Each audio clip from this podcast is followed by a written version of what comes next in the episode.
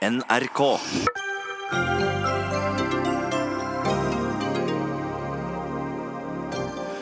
Norge lanserer i dag sitt eh, kandidatur til en plass i FNs sikkerhetsråd. Men det er ikke alle som jubler av den grunn. Fellesrådet for Afrika mener f.eks. at valgkampen for denne plassen kan gå på bekostning av menneskerettighetsarbeidet på det afrikanske kontinentet. For første gang brukes videodømming i et fotball-VM, og det skaper debatt. Ødelegger spontaniteten i spillet, hevder kritikere. Og tusenvis av utrangerte båter ligger igjen på strender eller senkes i sjøen. Nå krever både finansnæringen og Avfall Norge et obligatorisk båtregister, men får tommelen ned fra Høyre, som sier det holder med dagens panteordning, der du får en tusenlapp for å levere inn båten.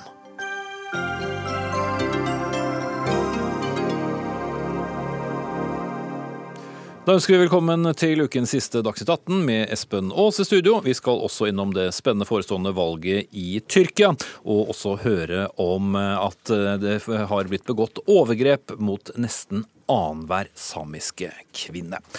Men i dag lanserer altså Norge sitt kandidatur til en plass i FNs sikkerhetsråd i perioden 2021 til 2022. Og da er det 20 år siden sist vi hadde én plass.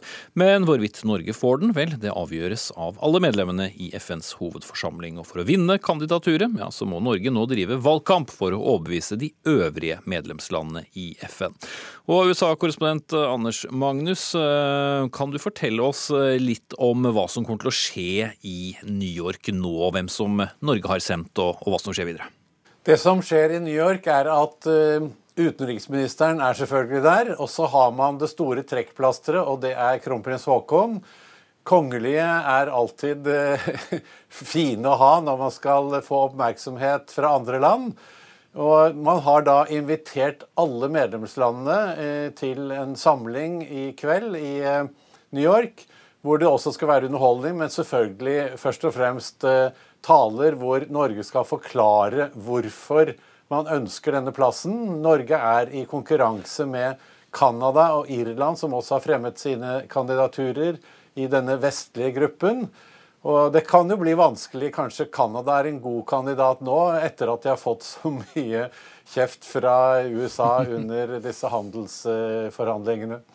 Men rett og slett en slags eh, valgkamp hvor det gjelder å overbevise med, med de midler man har.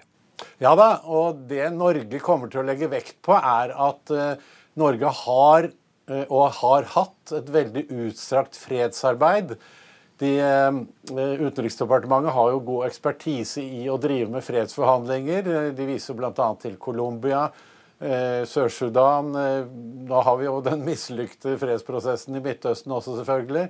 Men, men, eh, det er mange som henvender seg til Norge. og Utenriksministeren begrunner da denne søknaden med at hvis vi er på innsiden av Sikkerhetsrådet, så kan vi være enda mer effektive i dette fredsarbeidet. Mm. Da sier vi takk til deg, Anders Magnus, med oss fra vårt kontor i Washington. Johan Hermstad, daglig leder i Fellesrådet for Afrika. Du er kritisk til dette kandidaturet. Hvordan da?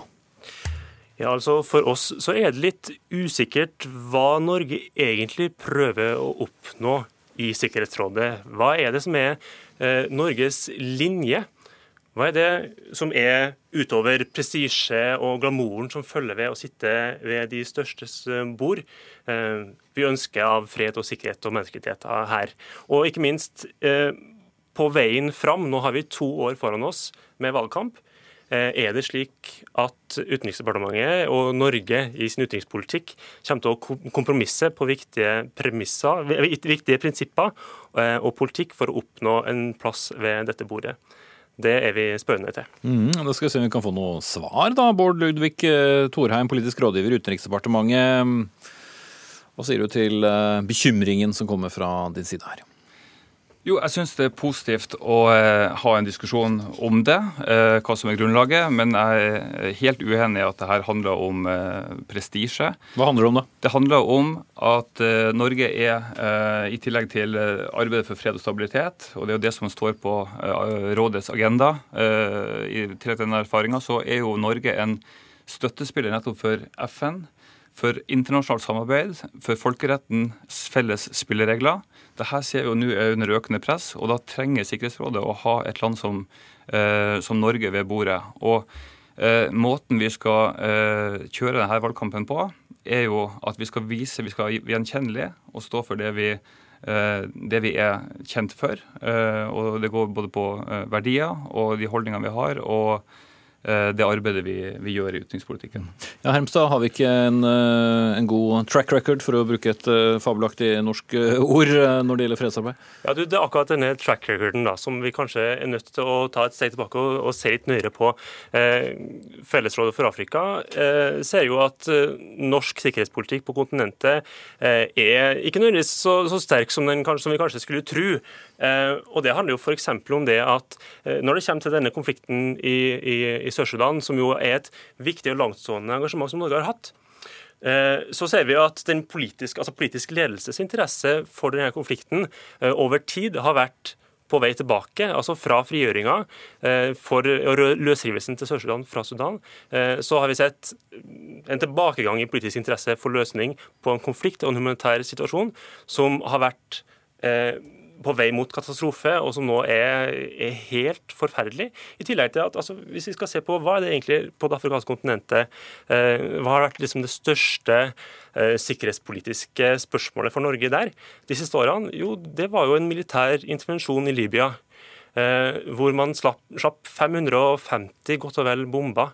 Eh, stikk i strid med de anbefalingene som Den afrikanske union kom med, og Den afrikanske union sin utnevnte fredsmekler ønska. Mm. Ikke, kommer ikke til å trekke frem den listen uh, i New York, eller Torheim? Uh, vi, vi, har en, jeg synes vi har en veldig god uh, track record for å starte med Sør-Sudan. det er høy politisk interesse rundt det fra UD sin side. Vi har hatt mange besøk på utenriksministernivå der. Vi deltar aktivt i Eh, det såkalte troika-samarbeidet, som er da USA, Storbritannia og Norge, som er aktive eh, i arbeidet med fredsprosessen. og eh, Helt nylig så var det jo også et møte mellom partene som ikke har funnet sted på lang tid. og Norge jobber i, i, i kulissene med den type konflikter, i tillegg til de erfaringene vi har bl.a. Colombia-avtalen og eh, Filippinene. Eh, så, så, jeg mener at vi har en, eh, en god track record. Mm. Nå er det jo da slik det er, eh, omtrent 20 år siden sist eh, man hadde en plass. Hvorfor er det så viktig, og får vi gjennomført mer ved å sitte i Sikkerhetsrådet enn å faktisk gå inn i konkrete konflikter? Ja, absolutt. Og um, Det er jo nettopp de konfliktsituasjonene som er på agendaen. og Jeg er sikker på at Fellesrådet for Afrika også uh, anerkjenner at uh, mellom to tredjedeler og tre fjerdedeler av uh, de konfliktsituasjonene som rådet behandler, er jo nettopp i Afrika. Så får jo, vi får muligheten til virkelig å, å, å, påvirke her. Og så burde du egentlig være glad du da, Hermsa? Ja, Hadde det ikke vært for at Norge over tid har, har redusert sitt diplomatiske nærvær på det, på det afrikanske kontinentet Men ny giv i Sikkerhetsrådet, kanskje? Eh, ja, kanskje, kanskje, det. Men vi eh, skulle gjerne sett mer engasjement eh, f.eks. I møte med det som vi ser nå fra den amerikanske administrasjonen, som jo er Norges viktigste allierte og en toneangivende stemme, vil de fleste være enig i, i Sikkerhetsrådet. Som nå med denne administrasjonen har redusert sitt diplomatiske, diplomatiske nærvær, redusert bistand og økt på sitt militære nærvær, og så man nokså aggressivt. Eh, det, og I tillegg så har vi en administrasjon i Sikkerhetsrådet da, som eh, trekker seg ut. Nå Senest denne uken så trakk USA seg ut av FNs eh, menneskerettighetsråd. Eh, og isolere seg mer fra multilaterale prosesser enn det man har gjort tidligere. Det, og det, er jo ikke ulikt, det er jo ikke ulikt slik som det var sist gang vi satt i Sikkerhetsrådet. Da hadde vi også en administrasjon som ønska å kjøre sin egen linje på tross av hva verdenssamfunnet kanskje, kanskje ønska.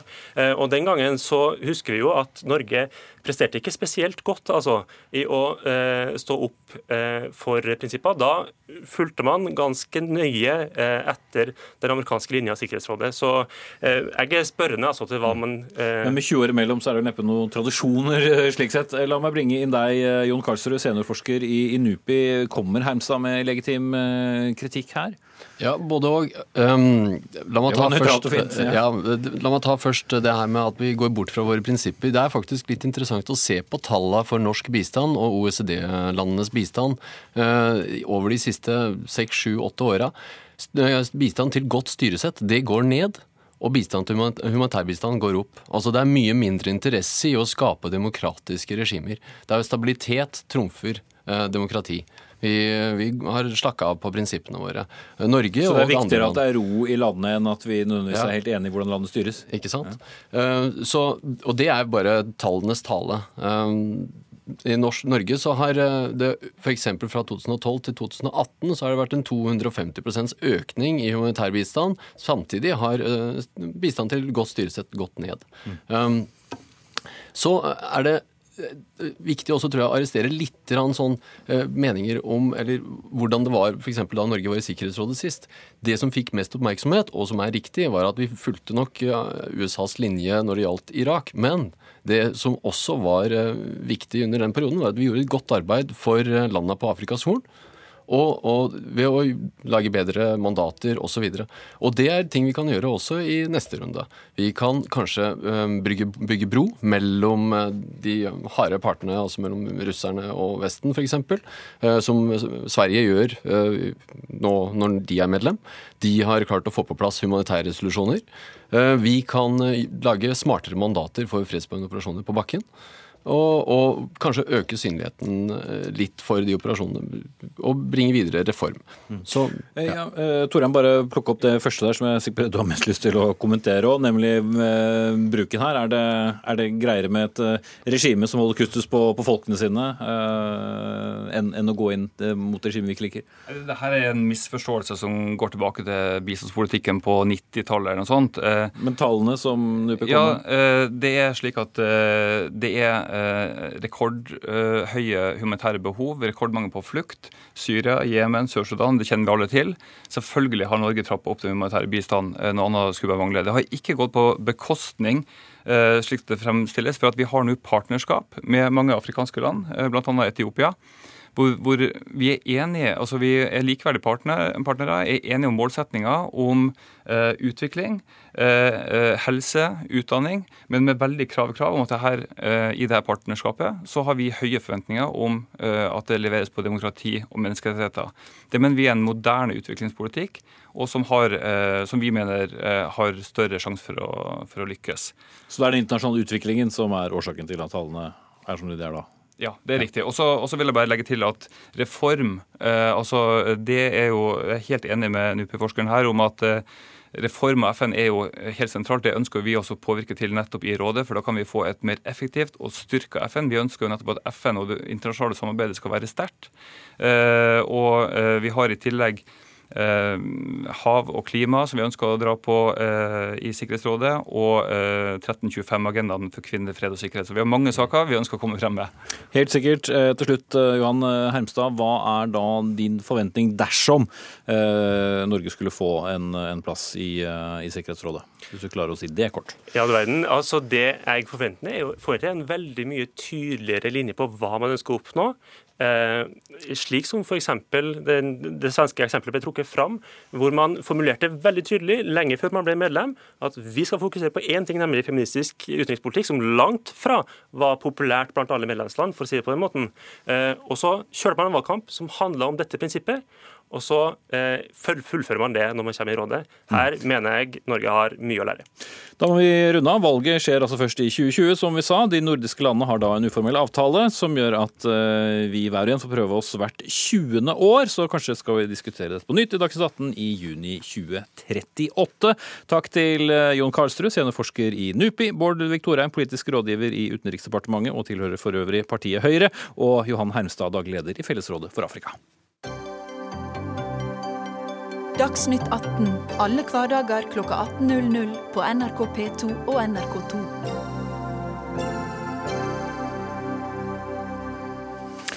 Vi fortsetter i internasjonalt eh, terreng, vi, for det er under to døgn igjen til valglokalene i Tyrkia åpner. Da skal tyrkerne velge både president og nasjonalforsamling. og Klisjeen skjebnevalg, vel, den er for lengst brukt om det som skal skje på søndag. Sissel Aall, vår korrespondent i Istanbul, hva er det som er så spesielt med nettopp dette valget? Det er eh, tre ting først og fremst. Det er unntakstilstand her, så det setter jo begrensninger på mange kandidaters mulighet for å drive valgkamp. Og så eh, blir den neste presidenten den mektigste presidenten på 80 år etter landsfader Atatürk. Fordi at i fjor så hadde man en folkeavstemning der man sa ja til eh, endringer av konstitusjonen, som gjør at presidenten får utvidede eh, makter og, og, og mye større makt.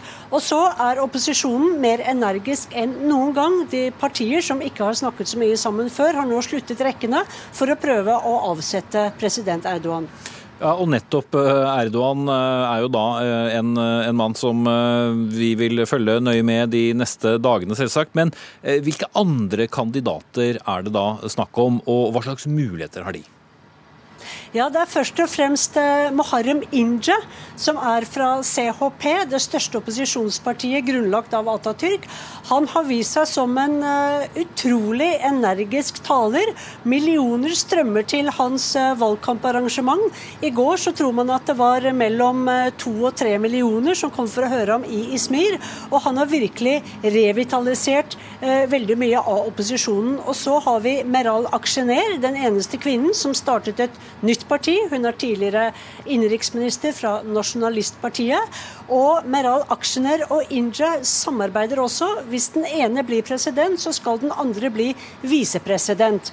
Eh, og så er det selvfølgelig Selhatin Demirtas, som er veldig populær for HDP, dette prokurdiske partiet. Han sitter da i fengsel eh, som en politisk eh, fange, må vi nok kunne si. Og han driver valgkampanjen sin derfra. Og hans parti trenger 10% for å komme over sperregrensen for å komme inn i parlamentet. Da vil de eventuelt ta fra regjeringspartiet AKP flertallet. Så det er også en av de spennende tingene i dette valget. Eh, du nevnte jo CHP, Sissel, og det er jo et parti som vi har da uh, hørt ekstra mye om nå pga. Av eh, det som er, er, sagt fra den kanten. Men hvordan er dette et annerledes, vil, vil dette bli et annerledes Tyrkia uh, dersom de skulle vinne valget? Ja, Maharum Indre sier at uh, hvis han vinner, så skal han med en gang reise til alle europeiske hovedsteder for å reparere forholdet mellom Europa og Tyrkia. Han skal gi tilbake jobbene til alle akademikerne, til alle de som ble sagt opp etter uh, kuppforsøket. Og han skal også rydde opp i rettssystemet, sier han. Fordi den tyrkiske rettsstaten nå uh, har et dårlig rykte fordi at den er blitt ganske politisert må vi kunne si. Sånn at han har en helt annen orientering enn Erdogan. Erdogan har ofte spilt på eh, splittelse og konfrontasjon eh, innad i Tyrkia, mens Muharrem Inje snakker veldig mye om å lege sår, dialog, snakke sammen, fred med kurderne. Så han eh, gir håp til mange mennesker. Noe som jo har eh, dominert Tyrkia de siste årene, er jo selvfølgelig den krigen som utspiller seg nærmest på, på deres dørmatte, krigen i Syria. Hvor mye spiller den inn i valgkampen, Sissel? Ikke så veldig mye, men de syriske flyktning, flyktningene er jo et stort tema. Tyrkia er jo det landet i verden tror jeg, som har aller flest flyktninger. Eh, tre millioner syrere. Mens Erdogan han skåret en del stemmer på meningsmålingene, en del hopp på meningsmålingene tidligere i vinter, da han hadde denne offensiven mot Afrin i Nord-Syria. Nå har han satt i gang en ny offensiv mot PKK, den kurdiske militsen, og han håper at han skal skåre poeng. Eh, på det. Men det gjenstår å si, eh, se, fordi Erdogan har også et problem med økonomien her. Økonomien er i krise, og mange er veldig bekymret over det. Da sier vi takk til deg, eh, Sissel Wold i Istanbul. Og så vender jeg meg mot deg, Seher, Aydar, som er politisk rådgiver og vararepresentant på Stortinget for partiet Rødt, men også med kurdisk bakgrunn. Hva mener du er det største problemet dersom, dersom Erdogan får mer makt etter dette valget? Nå går Tyrkia gjennom en tid hvor eh, folk er veldig anspent, for det er en enorm undertrykkelse. Tyrkia er det landet som fengsler flest journalister. Mange mennesker har blitt drept i Tyrkias offensiv mot eh, kurderne. Eh, politisk opposisjon blir slått hardt ned på. Og hvis han får enda mer makt, så er jeg redd for at han kommer til å gjøre enda mer av det han har gjort. Og det han har gjort, har uh, betydd å undergrave demokratiske rettigheter og skape mer lidelse og en økonomi i krise. Mm. Vi skal også ha med, deg, ha med oss uh, Mehmet Khan Inan, som er kommunikasjonsrådgiver for Høyres stortingsgruppe, men også med kurdisk bakgrunn. Du mener at dette er et av de mest spennende valgene i Tyrkia noensinne. Hvorfor det? Grunnen til at jeg mener det, er rett og slett fordi jeg mener at eh, spørs det viktigste spørsmålet ved dette valget det er om Erdogan klarer å beholde sitt flertall eller ikke. Eh, mange målinger, tall og analyser viser at Erdogan mest sannsynlig ikke klarer det alene. Eh, det ser ut som han er nødt til å få god hjelp fra sitt alliansepartner, fra det nasjonalistiske partiet MHP.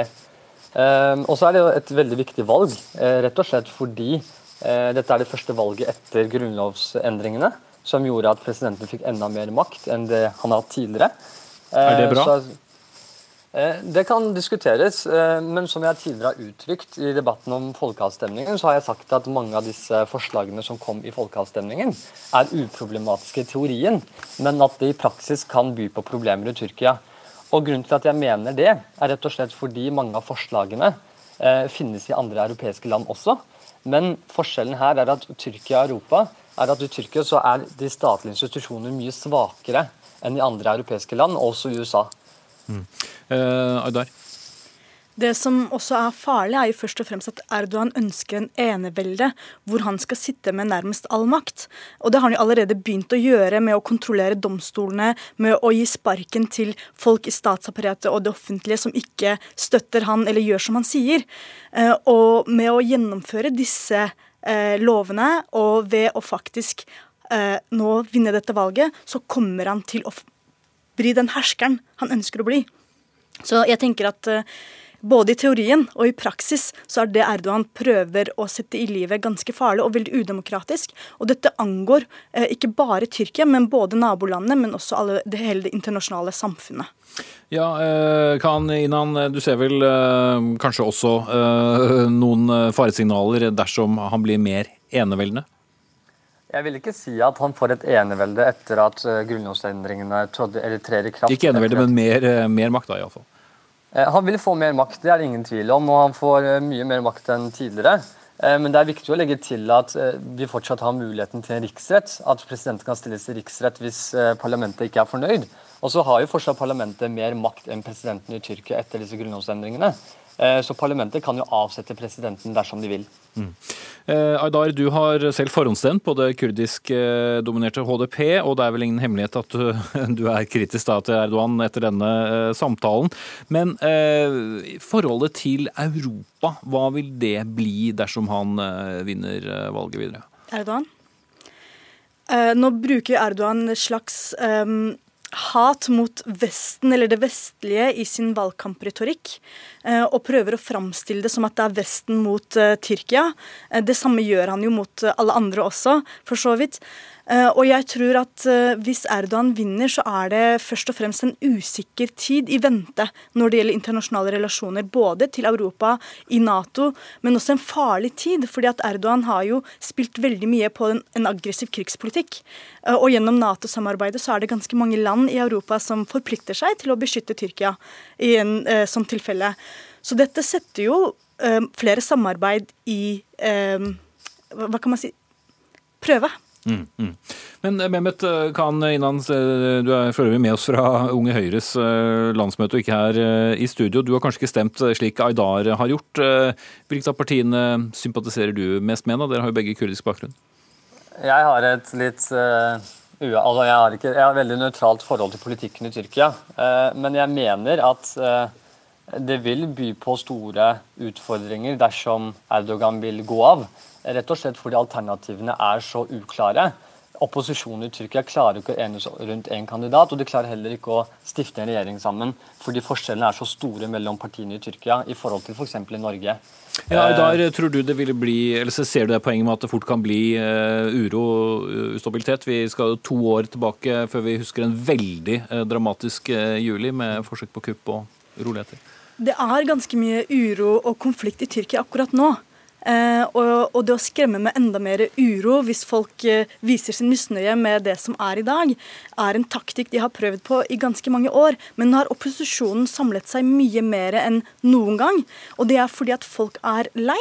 Eh, folk ønsker en forandring, og for å få til den forandringen så har både CHP klart å samle ganske mange mennesker rundt seg, og HDP, som er venstresidepartiet som er prokurdisk tillegg, klart å faktisk drive en enorm grasrotsvalgkamp. Og så må vi legge til at HDPs leder er i fengsel. Eh, mange mennesker er i fengsel fordi de har uttrykt seg politisk. Og alle disse, og alle som kjenner dem, ønsker jo en forandring. Så jeg tror at forandring er nødvendig, og den kan komme på søndag. Mm. Vi skal i hvert fall eh, følge med, i den grad noen skulle tro noe annet. Eh, vår korrespondent er Sissel Wold, som vi hørte i starten av eh, dette innslaget, dekker valgkampen der for NRK. Takk til Seher Eidar, politisk rådgiver og vararepresentant på Stortinget for Rødt, og Mehmet Khan Inan, kommunikasjonsrådgiver for Høyres stortingsgruppe.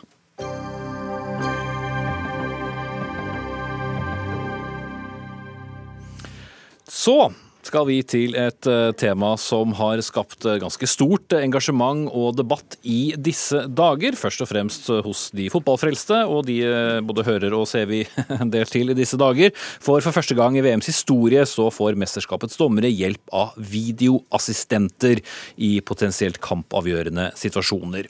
VAR, eller Video Assistant Referee, har også blitt tatt i bruk i bl.a. i Serie A i Italia og tyske Bundesliga. I flere av kampene i fotball-VM så langt langt har videodømming hatt avgjørende betydning, sist i dagens kamp mellom Brasil og Costa Rica. Og så går han over ende, Neymar! Og så er det Kuipers! Har han signalisert straffespark? Da er vi veldig spent. Vi har ikke fått sett det fra den beste vinkelen. Skal vi se her? Nei Skal vi se hva gjør Kuipers nå? Nei! Han tar den veien! Og Brasil, som føler de er blitt urettferdig behandlet tidligere i dette mesterskapet av dommerne, kommer vel ikke til å få noe særlig vann på mølla nå. Brasil fikk eh, altså ingen straffe i de 76. minuttet, men vant likevel kampen mot Costa Rica med 2-0. Terje Hauge, dommersjef dommersjef Norges Fotballforbund, og tidligere dømt på høyt internasjonalt nivå, bl.a. under VM i 2002. Hvordan syns du videodømming har fungert så langt? Det har faktisk fungert over all forventning, slik jeg ser det. Jeg eh, var selv inne og vurderte dette for tre år siden og var motstander for dette her. Så de siste to årene har vi fulgt VAR-prosjektet til IFAB, har vært på mange workshoper, og eh, hvordan de har utformet en protokoll så klar og tydelig at VAR-dommerne skal ikke dømme kampene. De skal kun ta de helt åpenbare feilene unngå skandalen i fotballkampene, og så skal dommerne få lov å dømme kampene som før. Statistikker viser de siste to årene i prosjektlandet som har hatt VAR, at VAR er inne i hver tredje kamp og, og omgjør, uh, avgjørelser. Mm. Så igjen, kampene lever som før, og engasjementet og uh, livet er der. Mm. Vi skal bevege oss kort ut fra studio. Lars Arne Nilsen, hovedtrener i sportsklubben Brann, som leder Eliteserien eh, så langt. Du er skeptisk til VAR, som vi bruker da, eller videodømmingen. Hvorfor det? Jeg ser at det er, det er en del pluss med det, men jeg føler at det er mer minus enn en pluss. Jeg er redd at vi mister litt av den spontaniteten som fotballen har. Det at supporterne og tilskuerne skal se hva som skjer, og de skal se dommere og, og linjedommer og fjerdedommer som tar avgjørelsen der og da. At ikke, at ikke de må inn i en, eh, en, buss og det er noen andre som skal avgjøre det. De, de vil ikke få være med. og å se hva som egentlig avgjør kamper. Og det, jeg tror òg at VAR er vanskelig i forhold til eh, hands og straffe offside. Og, eh, og den, eh, den, spontaniteten og det, det så jeg, jeg syns er bra med fotball. Vi mister litt av det, tror jeg. Det, Men sier du ikke nå at uh, nesten skjønn er bedre enn fakta? Jeg syns at eh, dommerfeil er en del av eh, fotballen. Akkurat som vi trenere gjør feil og spillere gjør feil, så gjør dommeren eh, vurderinger hele tida. Av og til så treffer de, av og til treffer de ikke. og Det gir en, et voldsomt liv og en diskusjon og en uh, etterkamp og førkamp og i studio. Hvis alt skal være riktig og det ikke skal være noe feil, så, så mister vi litt av det nerven og det engasjementet. og det, det livet rundt fotball så, så jeg syns er ekstremt viktig. Og så må jo det være sagt at når jeg sjøl blitt altså Når vi, vi, vi får dommeravgjørelser mot oss, så er det forferdelig tungt i avgjørende ting. Men det er en del av spillet. Vi får de av og til med og av og til mot, og det, det må vi på en måte leve med. og Det, det er det sånn fotballen jeg ønsker at vi skal ha. Jeg vil ikke ha en, eh, at det skal være en masse kamera og en masse data, og det skal inn og avgjøre fotballkamper. Jeg tror det, det vil dra ned tempoet i kampene. Vi, Terje kan mer om dette her enn meg. Men hvis ja, og Terje Hauge skal få lov til å svare på, ja. på, det nå. Er ikke det et opplagt uh, faremoment at uh, vi kan få en del stopp i, uh, i enkelte kamper, i hvert fall? Ja, og det, Slik skal ikke VAR fungere. VAR skal som sagt kun gå inn og ta åpenbare feil. De skal ikke begynne å dømme fotballkamper, for da fungerer ikke det slik protokollen beskrives. Så her er det bare snakk om straffespark, ikke straffespark, mål, ikke mål, rødt kort-situasjoner og identifisering av spillere til rette spillere som får gult kort og rødt kort kort. Men det kan jo bli litt av noen bråbremser i en spennende kamp likevel? Det, kanskje det kan bli noen bråbremser, men igjen, statistikker viser at hver tredje kamp VAR kommer inn på banen. Og igjen, eh, det blir helt sikkert mange situasjoner å diskutere. Dommeren har dømt feil eller rett. Eh, dommerne skal få lov å dømme på sitt skjønn videre. Og det er mange straffesparksituasjoner. VAR skal ikke inn og eh, ha noe så veldig mye mening om, for dette er ikke klart. Dette er 50-50. Vi kan argumentere begge veier. Noen dømmer straffe, noen dømmer ikke straffe. Dette er ikke en klær feil. Dette her skal VAR-dommeren ikke berøre, og kampen lever som før. Mm.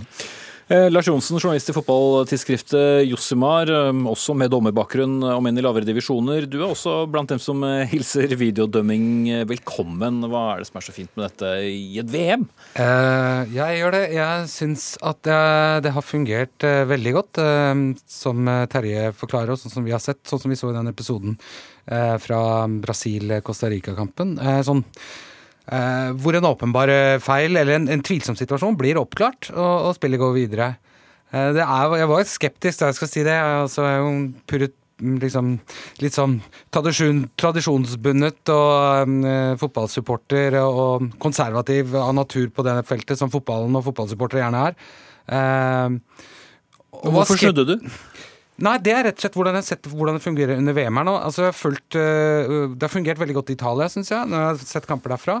Det prøveprosjektet man hadde i England i år, under cupturneringene, fungerte overhodet ikke. Det, Nei, det er ikke sånn, så vill begeistring i England? Nei, øh, og der er vi inne på det som Lars Arne Nilsen liksom, øh, er, er, inne på. At en del Lufta går litt ut av kampen. Det var det mitt inntrykk av når det ble prøvd ut i England. at der, det, det, ble veldig sånn antiklimaks hver hver gang dommeren fikk noe på øret. Publikumsbruset ble borte, plutselig ble det helt stille. Altså den der, En kamp har en, har en slags puls. Enhver kamp har sin egen puls, da, og den døde ved hver, hver gang dommeren fikk noe på øret. Uh, men jeg deler ikke Lars Arne Nilsens syn med at vil, at det er feil er på en måte greit. Altså det, eh, vi som fulgte fotballsendingene på TV, og det vet i hvert fall Terje alt om, er jo det at man, man, ser eh, Det diskuteres jo opp og ned i mente. Altså, dommeravgjørelsene er det nå det sentrale i en del fotballsendinger. Og, og jeg lar meg ikke ikke sjarmere av at et lag går glipp av en cupfinale pga. en, en, en tvilsom straffe eller lignende på overtid. Mm. Så det er jo Nå treffer vi Dette har vist at det treffer eh, Altså prosentandelen riktige avgjørelser er høyere enn uten, og da er vi på riktig vei. Mm. Ta inn deg igjen, eh, Lars Arne Nilsen, eh, og, svare litt på, på, på dette. Er det, ikke, er det, ikke, noen poenger her? Kanskje litt tilbake med det jeg spurte om i stad, om, om, om skjønn versus fakta? Altså, jeg, jeg, tror at VAR er vanskelig òg. Det, det ser vi jo allerede i dag. I, i, I, studio så ser de jo om igjen om igjen. om igjen. Det er vanskelig sjøl med, uh, med, VAR. Og, og, og, at, og jeg tror òg at diverse trenere til, og spillere kommer til å rope på VAR i alle mulige situasjoner. Det ser vi jo i, i kampen mellom Russland og Egypt, der Egypt legge inn klage på at de ikke får to eh, avgjørelser tatt i VAR. og Da blir det en, et rop om VAR hele tida. Men det kan jo avgjøre um, utvilsomt uh, vanskelige tilfeller? da? Ja, men Det vil alltid bli en diskusjon om hvorfor får ikke vi var på den og hvorfor får ikke vi var på den. så, eh, så, skal du liksom inn i bussen, og så mister du spontaniteten. og Så, det, eh, så går tida, og så stopper tida, og så blir det effektiv spilletid. Jeg, jeg syns du mister litt av nerven, og jeg er helt enig i at vi skal ha minst mulig dommerfeil. Men det kommer av og til, og det kommer òg med VAR. Det er ikke noe sånn at det blir 100% perfekt, men Ja, tid skal du bruke det, og hvor, hvor langt nedover i divisjonene? Skal du, skal du, spille i store mesterskap? Skal du ha det i store ligaer? Skal du ha i Norge? Skal du ha i Obos-ligaen? Skal, vi, skal vi ha fullt i kamera rundt om på alle TV? og så skal det bli... Jeg er redd at det, blir, det går utover publikum, og at ikke vi får den, den nerven og den livet på, på, stadion. Jeg er redd at eh, folk sitter hjemme og ser TV fordi det er, så, det er, for, mye, det er for mye teknologi. og det blir, Vi mister nerven og spontaniteten. Sportsjournalist i Dagsavisen Espen Sebastian Hågensen Rusdal, du har heller ikke svingt seidelen over eh, denne videodømmingen. Eh, hva, hva, har dette gjort med din fotballopplevelse? Altså, Jeg syns det var bedre før var. Jeg må si det. Jeg, bedre føre var? Ja, før var, ja, nemlig. Eh, det blir bare virvar av var. Altså, Spontaniteten blir veldig borte, ikke bare for publikum, men tenk deg å skåre en, en, en scoring i VM-finalen, og så vet du ikke om du liksom Kan jeg juble nå? Hva skjer? Er det mål? Er det ikke mål? Det må jo være nitrist. Altså, eller det er jo ikke det samme i det hele tatt. Løpe rundt og skli bort på plenen og ta fullstendig av. Og så er det jo det at de, disse bildene vurderes jo, de også. Så alt er jo en vurdering og skjønn. Så jeg, jeg, mer, jeg, heller mer til at uh, helt klare ting, sånn som om ballen er inne eller ikke, som er helt sånn objektivt veldig enkelt, er jeg helt for. Og voldelige ting, altså sånn hvis noen slår deg ned osv.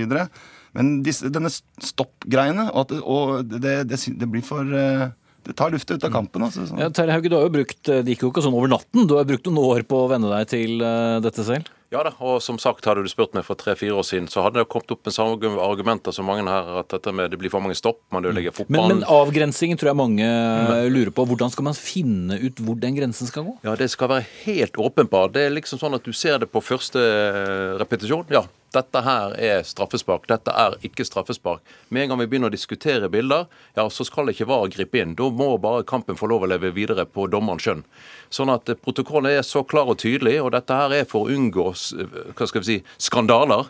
Og så er dette her med rettferdigheten med å seire. Dette her med å forebygge for filming. Filming har vært et problem i internasjonal fotball. Blir mer og mer. Jeg tror ved hjelp av VAR så blir det mindre filming. Ref.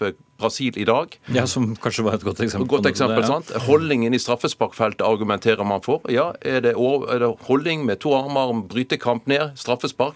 Vi får sett dette her. Så dette her gjør fotball mer attraktiv, eh, mer positiv, eh, og vi får flere angrep. Eh, jeg er overbevist på for at, for at assistentdommeren vil holde flagget nede og la angrepene passere. Så får vi heller gå tilbake hvis dette her er offside. Så flere avslutninger, flere angrep, mer positiv fotball, mer fair fotball, mer rettferdig fotball. Og dommerne har et hjelpemiddel for å unngå skandaler. Dette må mer, være tjent alle sammen. Mer fair fotball, Rusdal, det er bra? Ja, men altså, Det er ikke så mye rettferdighet i toppidrett fra før, da, tenker jeg. For det er tjuvtriks og for litt erklæring. jo, men altså, Det er ikke dit å gå for å finne det mest rettferdige her i verden. Men altså, for eksempel, så Hva med Guds hånd da, i 1986? Altså, Det er jo en legendarisk historie, og England sliter jo fortsatt med det. Og vi hadde jo mista det. Eller, eller, England i 1966, for den saks skyld. Altså, så, så, Det er jo noe av folk loren. altså noe av den... Ja, bare, bare hold det, Lars Johnsen. Det hadde jo vært eh, det, Hva kunne dette gjort med historiebøkene? Ja, nei, så med, med sånn. det hadde fortsatt vært 0-0 i den kampen, eh, ja, hvis, hvis var, var, bussen hadde blitt kalt inn på det, og det hadde den jo blitt. Um, England i 66, det var jo en sånn goal line technology-greie mer. Men, men, den, men, den, hadde jo heller ikke blitt godkjent. Da hadde spillet gått videre. Så, men altså, det er en jo, det, må, det må være et, et, et, tankekors, og det gir vel litt jo, rett til kritikerne at du flytter fotballen et stykke, selv om det er toppfotballen, og man kan er, sikkert mene mye om den. Jo, og det er en annen tidsalder som vi må liksom ta litt innover oss. Altså men det er et brudd med fotballen sånn eh, Den tanken med fotballen er sånn universell. Altså Når jeg går og ser Lommedalen mot Heggedal i fjerdedivisjon, så skal det egentlig spilles under helt samme forutsetninger som Brasil-Costa Rica i dag. Og det gjør det ikke lenger. Og det er et brudd med en sånn tradisjon som har stått veldig sterkt i fotballen. Eh, og hvor går grensa? Sånn som Lars Arne Nilsen eh, var inne på, skal vi bruke Tippeligaen, eller skal det bare være fordi den der delen som hadde toppunderholdnings... Eh, og da blir det, blir det, Er det da et underholdningsaspekt, eller er det, noe, er det sportslig motivert? Og Vi hadde eksempel fra Australia, den finalen i det australske ligamesterskapet tidligere i år, hvor, hvor, der bruker de VAR. Mm. Men på et lite øyeblikk så var altså det en teknisk feil. Sånn at uh, en, en scoringen som da ble avgjørende til Melbourne Victory, den skulle ha vært annullert hvis VAR-systemet hadde fungert. Den kunne de ikke gå gjennom. Hele verden kunne sitte og se den kampen og se TV-bildene, viser repriser at det var offside, men VAR var ikke kobla opp målet sto Altså, det er Sånne ting uh, må man jo legge til grunn for at uh, det kan jo skje. Mm. I, i, om vi skal ha det i Tippeligaen, f.eks. Ja, ja Terje Haugen, når ser vi VAR i, i norsk fotball? Ja, Det må andre svare på. Jeg som representerer dommer, dommerkomité og aktive dommere er positive. Vi har valgt i hvert fall å følge med og ta dette inn til Norge med nå et eget prosjekt. Vi skal få kanskje hva skal vi, alle våre dommer opp og gå, sånn at når dette kobles på norsk fotball, så er i hvert fall dommerne klare til å ta dette i bruk. Og så må klubbene snakke sammen, sammen med Norges Fotballforbund, med spillerne, med NISO og mange flere partnere oppi her.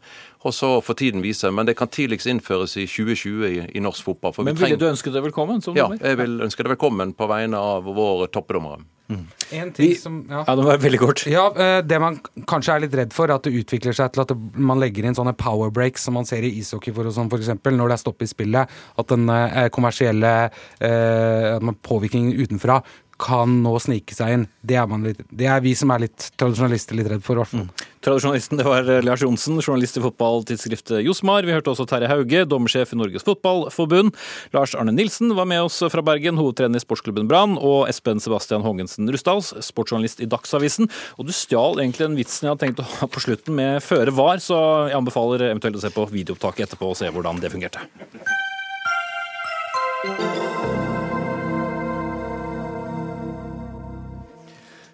Det er uh, atskillig mer uh, alvorlig uh, ting vi skal snakke om nå, selv om for all del mange tar fotball alvorlig. For hele 49 49% av samiske kvinner har blitt utsatt for vold eller overgrep. Det viser en rapport som Norges nasjonale institusjon for menneskerettigheter, eller NIM på kort, la frem i Tromsø i dag. Tallene for ikke-samiske kvinner de er 16 og seniorrådgiver i NIM, Stine Langlete, hvordan kan forskjellene være så store, er jo et spørsmål som mange stiller seg nå. Ja, det er jo et uh, godt spørsmål. Uh, en av de tingene som uh, vi påpeker i vår rapport, som da er en juridisk analyse av de menneskerettighetene man har til å beskytte den voldsutsatte mot vold og overgrep, er jo nettopp behovet for mer forskning. Og Det er jo også en menneskerettslig forpliktelse man har. Det Svaret på det spørsmålet du stiller, det vet man egentlig ikke så mye om. Så mer forskning på dette er jo en av de tingene vi anbefaler, og som vi mener at staten eh, har et ansvar for å sørge for. Mm. Men en mangedobbel så stor eh, andel av eh, overgrep altså i den samiske befolkning målt opp mot den ikke-samiske, det er jo det er litt av et tall. Gjelder dette da generelt, eller er det begrenset til befolkningen som da er i Sápmi eller sameland? om man vil? Eh, hvis du tenker på om det er en, en generell større an... Eller Altså nå er det jo fortsatt sånn at det altså, er 49 Hvor skjer uh, overgrepene? Er det begrenset da altså til samiske områder i Sápmi, eller er det, er det samer jevnt utover Norge?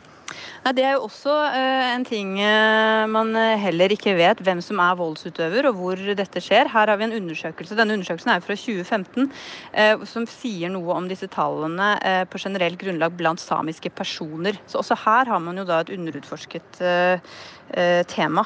Men hvordan er disse tallene da hentet frem, og som er grunnlaget i, i den rapporten? Disse her er hentet frem gjennom en undersøkelse som kalles for Saminor. Eh, som er et eh, forskningsprosjekt som henter fram samiske tall, hvis jeg kan si det på den måten. Eh, og så er det da en forsker, Astrid Eriksen, som har skrevet en doktorgrad og forsket frem disse tallene, blant annet. Jeg vil bare legge til også at Vår rapport den bygger jo ikke bare på disse tallene, men også andre forskningsresultater. Eh, Nasjonalt kompetansesenter for vold og eh, traumatisk stress eh, lanserte jo en rapport i fjor om du tør å spørre, tør folk å svare. Som ja. sier en del om de erfaringene som hjelpeapparatet har. Og der ligger jo noe av problemet her, er jo rett og slett manglende språk- og kulturkompetanse i hjelpeapparatet. Mm. Eh, Sametingspresident eh, Aili Keskitalo, du er eh, også med oss. Ble du overrasket over tallene, eller bekreftet det noe du visste fra før? Som det sies her fra NIM sin side, så er jo de her tallene kjenner jo vi fra artikkelen til Astrid Eriksen fra 2015. Og det er forstyrrende høye tall.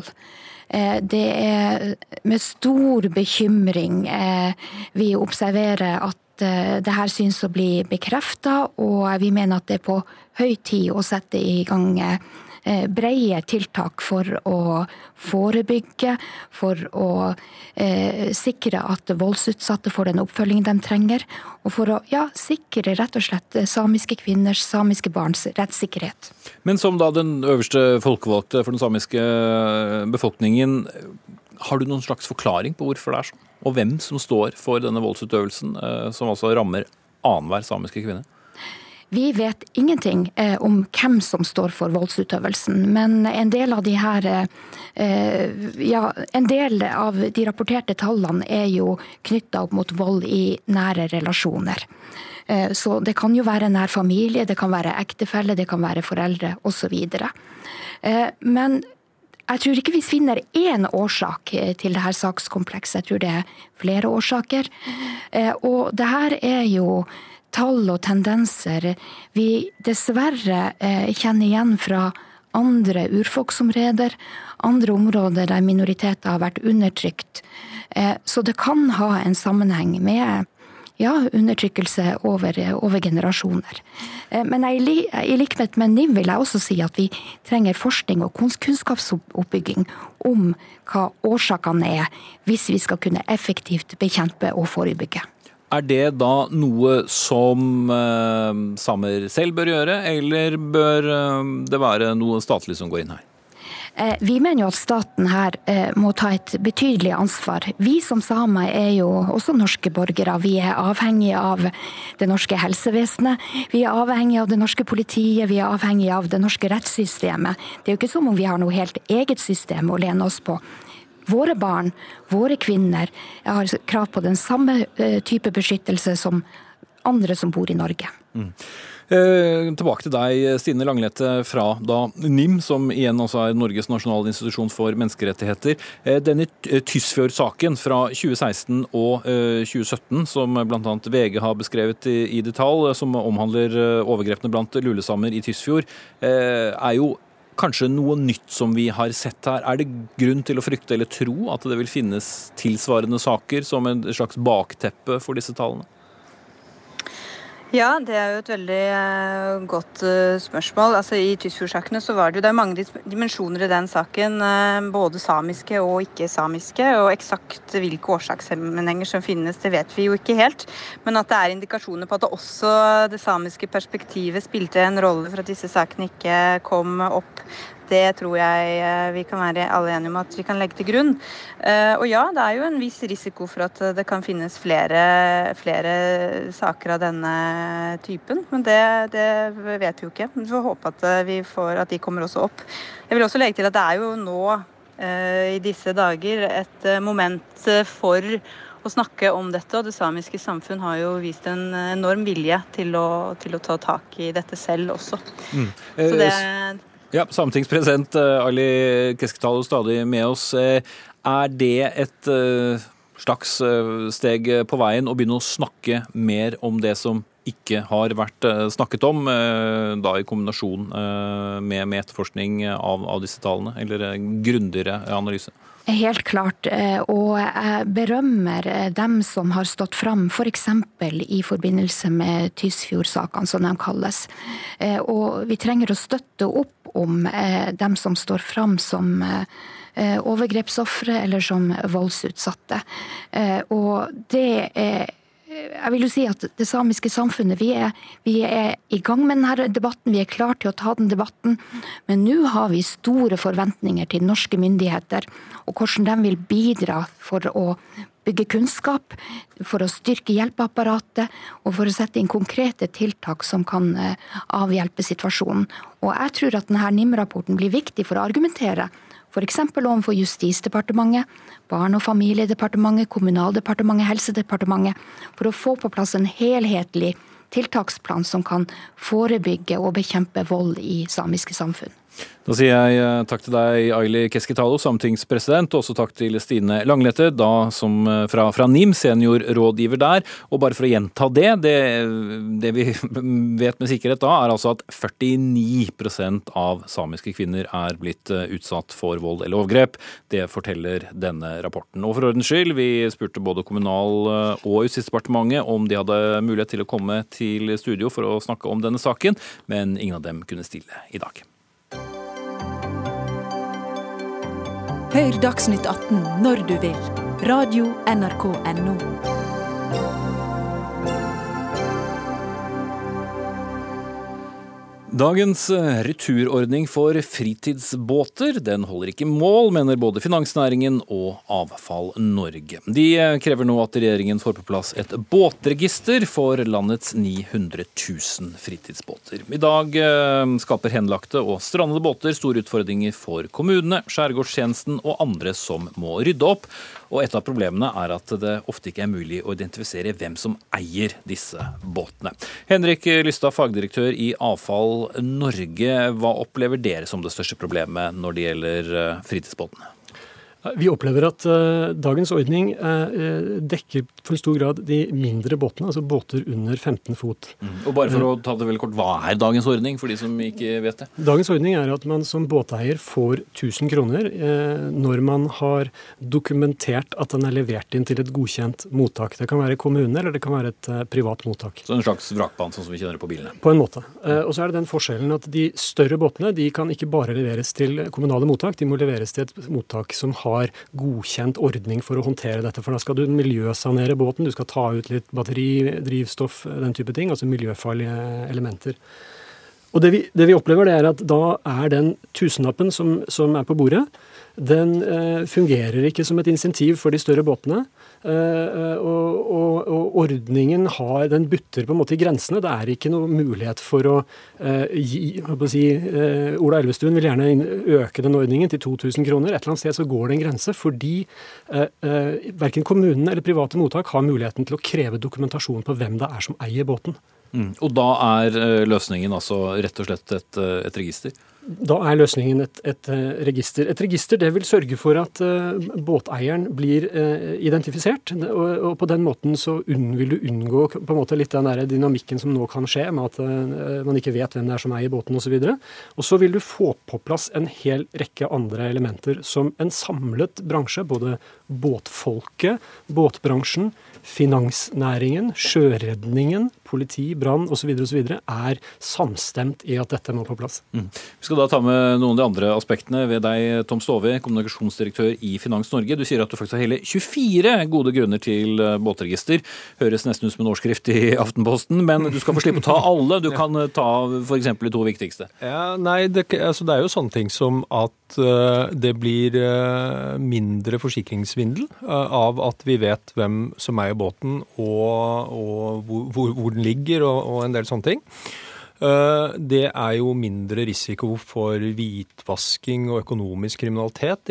Har, det, er, det, er, veldig store verdier som ligger i, i norske båtparken. Eh, den er estimert til et sted over 70 milliarder kroner. Så nordmenn har altså ca. 900 000 båter som er verdt ca. 73 milliarder kroner.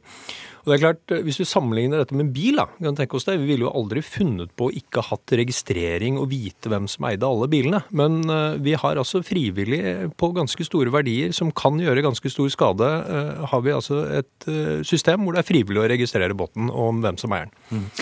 Da skal vi til Tønsberg og Lene Westgård Halle, som er stortingsrepresentant for Høyre, og får æren av å forsvare hvorfor vi ikke trenger et obligatorisk båtregister.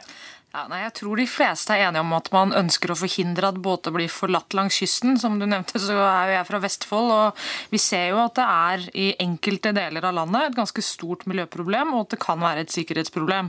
Eh, og Både Avfall Norge og Finans Norge har flere gode poenger som vi bør lytte til. Eh, men vi har jo et båtregister i dag. Det er frivillig, det er drevet av Redningsselskapet, og det finansierer jo i stor grad eh, redningsskøytene og sikkerheten på sjøen. Altså De tjener rundt 35 millioner millioner kroner på den ordningen, og den vil jo de miste om den statliggjøres. Hvor mange er det som er registrert der, da? Eh, der, altså, det er jo litt interessant, for jeg hører det at uh, Avfall Norge og Finans Norge bruker 900 000 som tall.